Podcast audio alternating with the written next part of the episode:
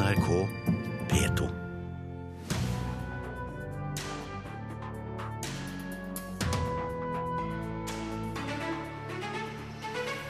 Går det an å forby kjøpesentre? Interessant tanke, sier Miljøpartiet De Grønne. Kjøpesenterfrykt er bakstreversk, sier Høyre. CNN hevder at de blir boikottet av Donald Trump og Det hvite hus. Og 150 år gamle Per Gynt skal bli mer attraktiv for ungdom via stor dataspillsatsing. Velkommen til Kulturnytt. Mitt navn er Stine Tråholt. Kjøpesenterkjedene beskyldes for å ha ødelagt folkelivet i norske kommuner. Det har vi hørt denne uka. Kritikken kom i forfatter Ronny Spans bok 'Kjøpesenterlandet'. Norge er nå på europatoppen i kjøpesentertetthet, og Olav Thon-gruppen, som eier 100 senterbygg rundt om i landet, har tatt selvkritikk på utforming og plassering, men peker samtidig på politikerne. Snart så blir det politisk debatt her i Kulturnytt, men først et tilbakeblikk. Et kjøpesenter eh, er vel den stedet man går både for det sosiale og selvfølgelig for å kjøpe. Man finner jo alt på samme sted. Pluss at man har kafeer, man kan sette seg og lese avisen og slappe av. Og se på folk, ikke minst det. Nordmenn liker kjøpesentre. Ikke alle nordmenn og ikke alle kjøpesentre, men statistikken er klar. Norge vinner kampen om flest kjøpesenterkvadratmeter per innbygger med god margin. Kanskje er det på grunn av været, kanskje er det på grunn av manglende urban tradisjon, men like fullt, kjøpesentre, det vil vi ha. jeg er veldig glad i dem, egentlig. Veldig glad i å være og shoppe, og veldig glad i å være og se. Men problemet med kjøpesentre rundt om i landet er at de ofte legges litt utenfor sentrum, på en billig tomt med lett tilgjengelighet for biler, og på den måten drenerer byen eller tettstedets sentrum for folk. Det leder igjen til at butikker legger ned, og sentrum blir tomt og dødt. En av dem som har påpekt skadevirkningene av dette, er forfatter og kulturjournalist Ronny Spans. Denne uken presenterte han sin nye bok, Kjøpesenterlandet planlaus norsk statsutvikling. Og dette sa han da han besøkte oss på tirsdag. Svært mange steder har de ødelagt sentrumslivet. og og vi ser gamle sentrum. Nå står det att som slags spøkelsesgater, og det er jo svært uheldig. I boken sin triller forfatteren terningkast over vellykkede og mindre vellykkede kjøpesentersatsinger. Det deles ut både femmer og seksere, men også toere og enere. Til og med Olav Thon-gruppen, som eier 100 av Norges 400 kjøpesentre, innrømmer at de kunne, og kanskje burde, gjort mye annerledes. Vi tar kritikk på sikkert det vi har gjort, at vi kunne sikkert ha bygd flottere sentre. De kunne vært mer utadvendte mot uh, sine nærområder. Uh, og der har kanskje myndighetene ikke vært uh, nok på for å stille krav til slik utvikling. Ja, Det sa Tor Harald Bjerke i Olav Thon-gruppen til Kulturnytt i går. Reporter her Birgil Kåsrud Jåsund. Rasmus Hansson, stortingsrepresentant for Miljøpartiet De Grønne. Bør veksten av kjøpesentre strammes inn nå? Ja, Det bør den absolutt. Jeg vet ikke om forbud er det eh, beste tiltaket. Men eh, alle som har farta rundt i Norge, ser jo at eh, veldig mange småbyer og tettsteder er mer eller mindre ødelagt av svære kjøpesenterarealer som legges på matjord og natur langt utenfor byen, som folk kjører fram og tilbake til. En slags amerikanisering som fører til at tettstedene sentralt går i stykker. Om det er Moss, om det er Førde, om det er Notodden eller Sandvika, som er eh, i den kommunen jeg kommer fra, som er Høyres paradekommune, som bl.a. har fostret kommunalministeren. Eh, som altså er et, eh, et ekstremt dårlig eksempel på hvordan man utvikler et uh, lite tettsted og får en betongørken og et uh, kjøpehelvete uh, i et, et ødelagt nærområde. Det sier om at politikerne må ta mer ansvar. Vi må være villige til å ta grep for mm. å snu den trenden. Av hensyn til at folk skal kunne møtes, snakke sammen, handle og ha det hyggelig i de naturlige bysentrene. Og så vi får et lokalt næringsliv, og ikke bare identiske shoppingsentre som Olav Thon eier og Høyre gir dem. Og eksemplene det vi, er mange, det har vi hørt eh, denne uka. Mudassar Kapur i kommunal- og forvaltningskomiteen for Høyre. Nå sitter dere i posisjon.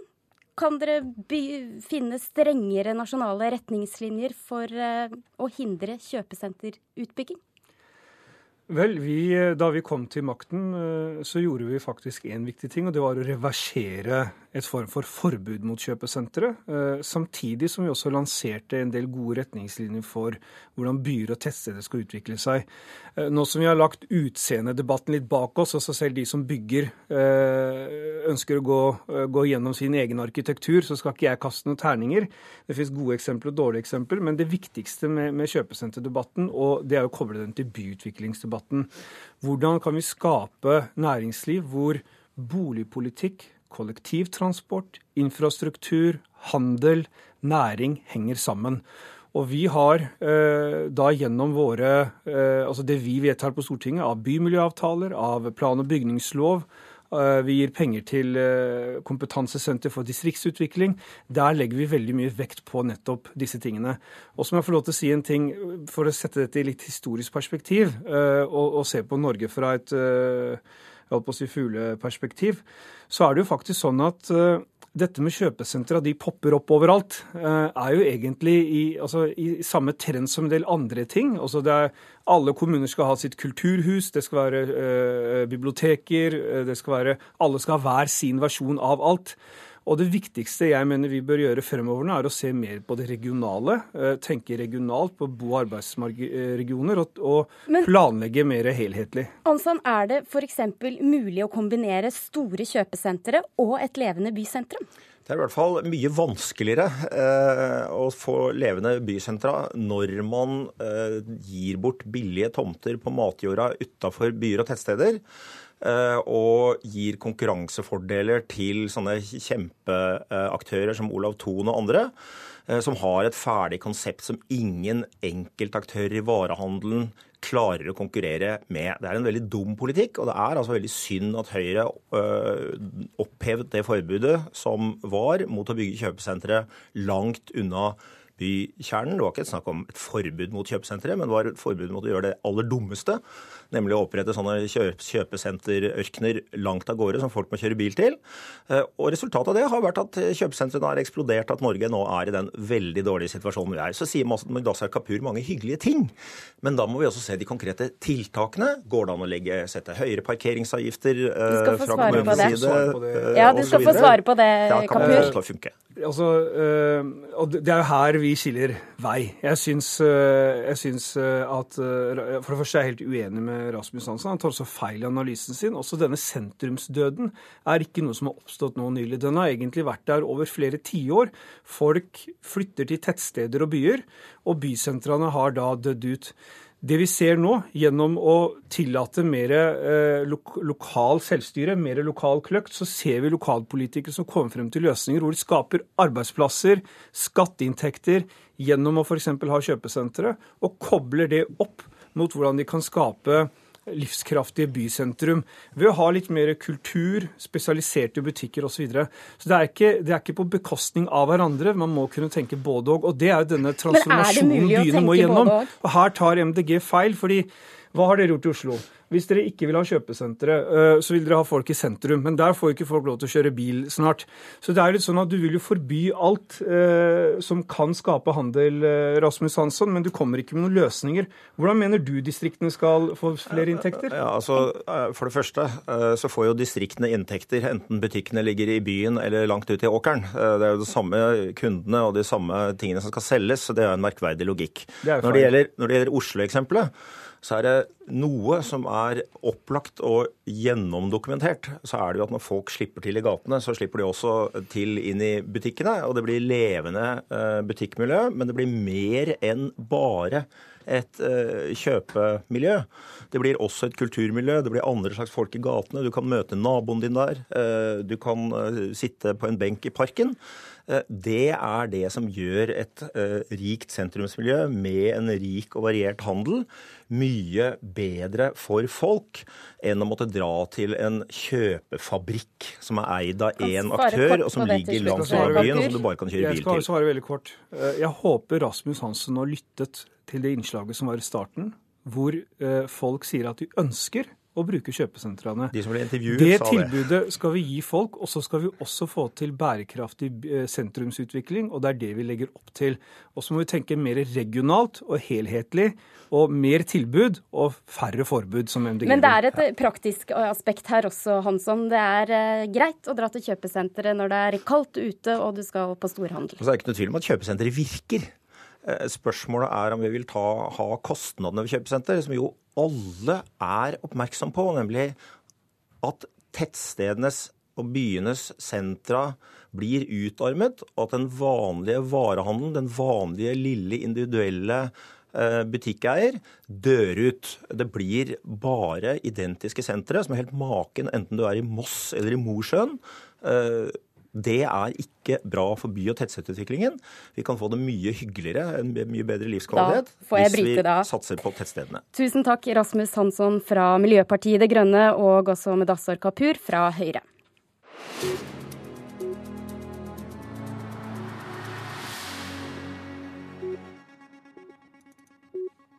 I går så ble det kjent at Den nasjonale scene i Bergen vil bygge et tilbygg for 730 millioner.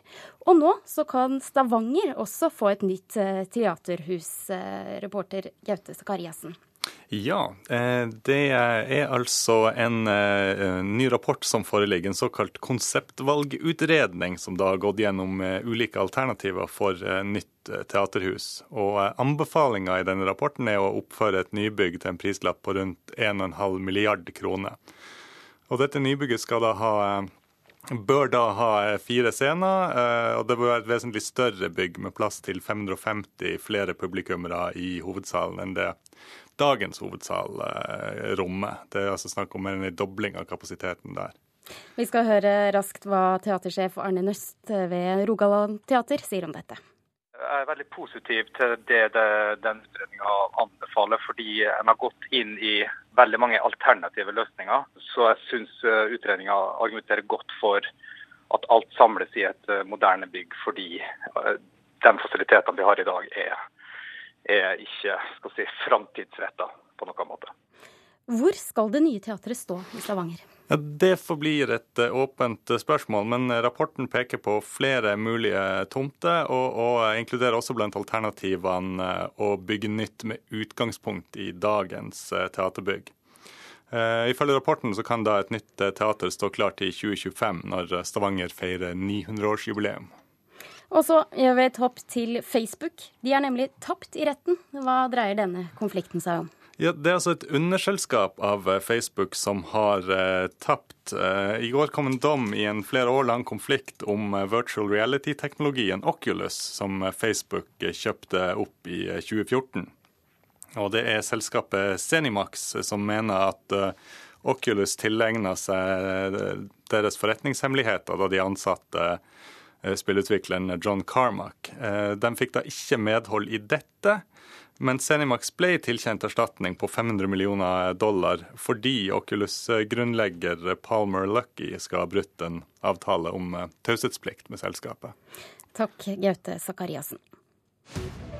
Du hører på Kulturnytt, og klokken er nå snart 17 minutter over åtte. Dette er nyhetsoverskriftene nå. Barneombudet mener politiet utsatte en tenåring for tortur da han skulle sendes ut av landet.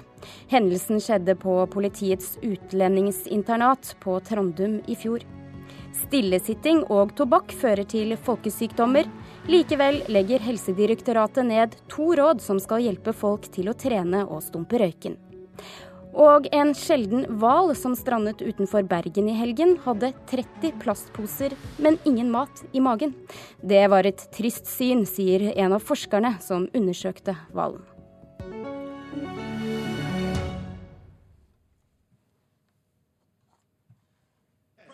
Since you are attacking No, our news not you. organization, Not can you. you give us a chance? Your organization you're, you're attacking terrible. our news organization. Your organization Can you give is us a terrible. chance Let's to go. ask a question, sir? Go ahead. Sir, can Quiet. you state, Quiet. Mr. President-elect, Go ahead. She's- she's asking a question. Don't be rude. Mr. President-elect, can you give us a question? Don't be You're rude. attacking us. Can I'm you- not going to give you a can you sta- question. can you state categorically? You are fake news. Sir, Go ahead. can you state categorically that nobody...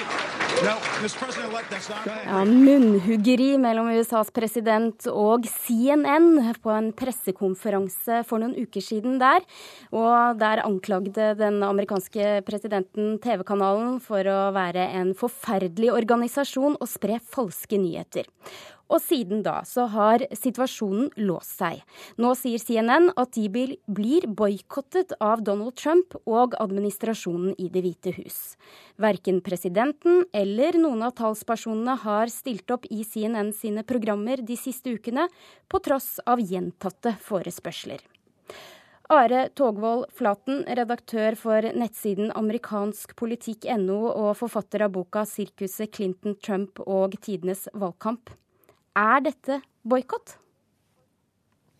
Ja, altså det er jo eh, rykter om at Trump ønsker å, å skade CNN eh, når det gjelder seertallene, eh, og gjøre et poeng av da eh, det han omtaler som fake news, og det CNN da har rapportert. Og Grunnen til det er at CNN har vært nokså kritisk til Trump og hans nye administrasjon. Og det må også nevnes her at, at CNN er nærmest som et, et skjellsord å regne blant mange republikanere, og særlig mange av Trumps eh, største tilhengere. De har da omtalt CNN som The Clinton News Network, bl.a. i valgkampen. Men har det skjedd tidligere at enkelte amerikanske medier ikke får den samme tilgangen til presidenten og staben hans som andre?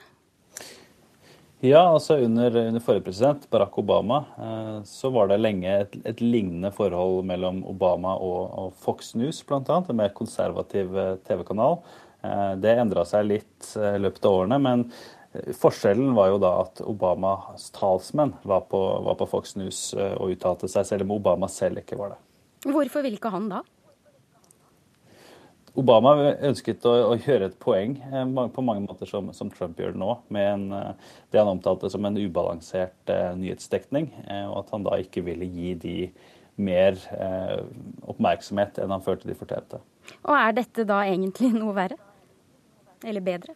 Ja, fors Forskjellen er jo at Obama aldri gikk ut og sa at Fox News var fake news. Uh, og han, hans talspersoner, som jo er egentlig saken her, eh, de sier jo ikke at det er Trump som ikke vil snakke med dem, men, men talspersonene ikke vil, vil, delta. Så det gjorde de under Obama-administrasjonen, men det er eh, lignende forhold. Forskjellen er jo da retorikken og, og temperaturen i, i forholdet her. Mm. Men bør CNN på sin side ta noe selvkritikk her? Altså, CNN har jo da gitt eh, Trump mer oppmerksomhet enn noen annen, hvis vi skrur klokka tilbake til, til nominasjonskampen på republikansk side. Eh, der ble det jo kritisert nesten for å gi han for mye oppmerksomhet, for mye gratis TV-tid. Det var jo et tidspunkt der de til og med viste et tomt podium, der det sto at nå kommer snart Trump og taler framfor å vise noen av konkurrentene hans som da samtidig sto og holdt uh, taler. Og Trump er jo en mann som mener at all PR er god PR. Eh, og det hjalp ham jo definitivt i, i, nominasjonskampen. Så på den ene siden så er det litt vanskelig å få, forstå kritikken, men så er det verdt å nevne at CNN da eh, er veldig upopulært blant mange konservative republikanere. Og de omtales da som nesten det, det beste eksempelet på, på, mainstream media, altså vestkyst- og østkystelitene i, i mediene. Kan noe føre til at denne konflikten blir avsluttet? Ja, altså Jeff Zucker, som er lederen av CNN, han er uh, godt, godt, kjent med Trump. Eh, og Trump skal føle, litt, eh, føle, det litt personlig at dekningen ikke står i stil til deres personlige eh, forhold. Så det er nok en del samtaler som foregår i lukkede rom her om hvordan det skal løse seg. En av de tingene som man kan følge med på, er jo disse søndagsshowene som er ganske store i, i USA. State of the Union er det programmet til CNN. Dersom de ikke får noen fra Trump-administrasjonen i lang tid, så vil jo det kanskje vises på, på seertallene. Det de selv håper på, er jo at de da kan framstå som et mer eh, kritisk nettverk, eh, TV-nettverk som da eh, har en litt annen dekning enn de andre. da, At de ikke føler de må gjøre som de blir fortalt av Trump-administrasjonen for å ha tilgang. Vi får følge med. Takk Are Togvold Flaten, redaktør for nettsiden amerikanskpolitikk.no.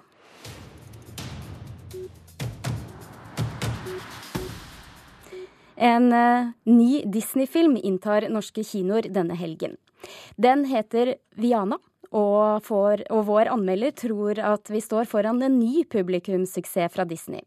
Filmkritiker Best, Birger Vestmo eh, beskriver Vaiana som et frodig eventyr med fengende musikk og fantastisk ammunisjon.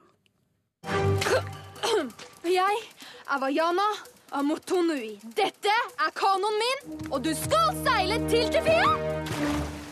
Disney har fått en ny suksessfilm i Vaiana. Et frodig eventyr som scorer høyt på fengende musikk og fantastisk animasjon. Historien som fortelles, er enkel og følger reglene for en typisk Disney-film. Den underholder stort med godt fortalt spenning i et eksotisk og fargerikt miljø, inspirert av oseanisk kultur, som sjølsagt er blankpolert og disneyfisert for et bredt publikum. Vaiana har òg musikalske innslag som du kan risikere å nynne på etter at filmen er over. Derfor er det her en familievennlig fulltreffer. Maui, formskifter, halvgud av vinden og havet. Jeg er Vaiana Mennenes helt. Hva- Hva? Det er faktisk Maui, formskifter, halvgud av vinden og havet, mennenes helt. Bayana er ei 16 år gammel jente som bor på en øy i Stillehavet en gang for lenge sida. Hun føler en dragning mot havet, men faren hennes, som er høvding, nekter hun og alle andre øyboere å bevege seg utenfor revet. Når kokostrærne råtner og fisken forsvinner, legger Vaiana likevel ut på en farefull ferd over havet for å redde øya ved å returnere hjertet til øyguden Tefiti. For å lykkes trenger hun hjelp av halvguden Maui, han som en gang stjal hjertet. Så det var Vaiana, ikke sant? Riktig. Og du skal sette tilbake hjertet.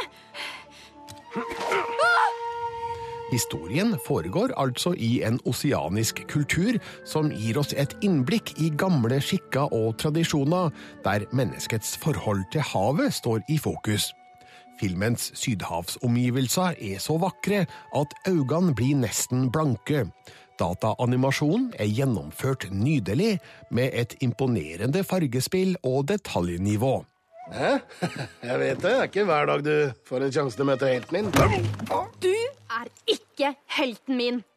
Vaiana er sikkert et gjennomkalkulert produkt fra Disney, men er dyktig regissert av John Musker og Ron Clements. De er allerede animasjonskjemper, takka være filmer som Den lille havfruen og Aladdin. Vaiana er god nok til å fortjene nesten samme status, sjøl om filmen trenger noen år på seg for å bevise sin levedyktighet. Det virker likevel åpenbart at publikum som er sugne på trygg, oppløftende og lærerik familieunderholdning, nesten ikke kan kreve mer enn det Vaiana leverer. Vi skal til monsternes rike. Ta det med ro. Det er mye lenger enn det ser ut som. Birger Vestmo anmeldte Vaiana. I år så er det 150 år siden Henrik Ibsen skrev Per Gynt. Selskapet bak Per, Gynt-forestillingene ved Gålåvatnet i Nord-Fron vil markere dette ved å gjøre med Per mer tilgjengelig for ungdom. Og nå utvikler de et eget dataspill der man kan spille seg gjennom alle dilemmaene Per Gynt møter på sin noe uforutsigbare livsvei. Så her ser vi Per med bruden på skuldra, så han prøver å stjele. Og så ser jeg Mats som prøver å ta deg. Spillutvikler Siv Hødnebø Espeland i selskapet Encircle Games fra Hamar er i ferd med å utvikle første versjon av dataspillet om Per Gynt.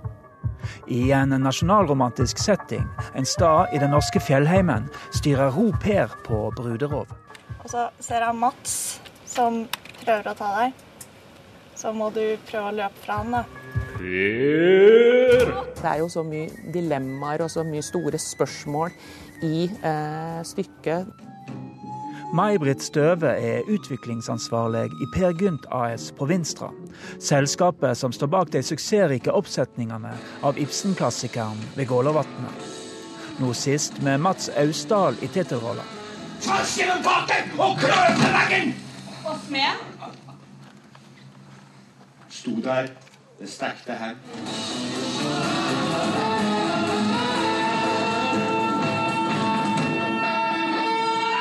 Altså, oss har jo gjennom åra hørt om mange som eh, er litt lek, ja, har et ambivalent forhold til Per Gynt, som syns det var veldig kjedelig på skolen.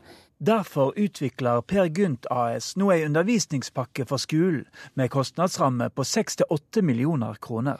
Og så kommer de til Kolbotn og så opplever de at dette er faktisk noe som angår dem og deres eget liv. Dataspillet blir det viktigste virkemidlet for å dra enda flere unge inn i den 150 år gamle historien. Eller de dilemmaene som finnes i stykket, altså der du må tenke litt eh, i forhold til ja, at du kjenner det at når Bøygen sier 'gå utenom', hva gjør jeg i, i slike situasjoner? Vi ønsker jo å ta tak i den dybda òg i spillet. Og det er jo, det er jo vanskelig i en, i en, spillverden, men eh, jeg har jo veldig tro på at de klarer det, disse gode samarbeidspartnerne her på Hamar. Når du spiller Per Gynt, så får du en eh, action-komediespill, men med ja, uventet dybde. Eh, som også går over i å bli litt trist, og etter hvert også kanskje litt, uh, litt skummelt. Det er spilldesigner Katarina Due Bøhler fra Sarepta Studio, også det på Hamar, som har det overordna ansvaret når Per Gynt nå skal bli en spillkarakter. Hun mener han har det meste som trengs for å lykkes. Han passer faktisk ganske bra som en uh, skal vi si, den helten man ikke helt hadde trodd skulle være en helt. Nå er målet å også nå unge langt bortenfor norske klasserom. Vi er jo vant til å lage et spill for en internasjonalt publikum. Så vi vil jo lage spillet eh, i den kvaliteten. Eh, sånn at det er et mål at vi skal ikke bare gi det ut på skole, men også legge det ut eh, offentlig. Um, så blir det jo spennende å se hvordan det blir mottatt. og det er jo en ambisjon om å få det oversatt til masse forskjellige språk og virkelig kunne spre ordet. Målet er at første versjon blir klar mot slutten av året. Reporter Arne Sørenes. Produsent for Kulturnytt, Gjermund Jappé, nå P2-reklame. Hør flere podkaster på nrk.no podkast.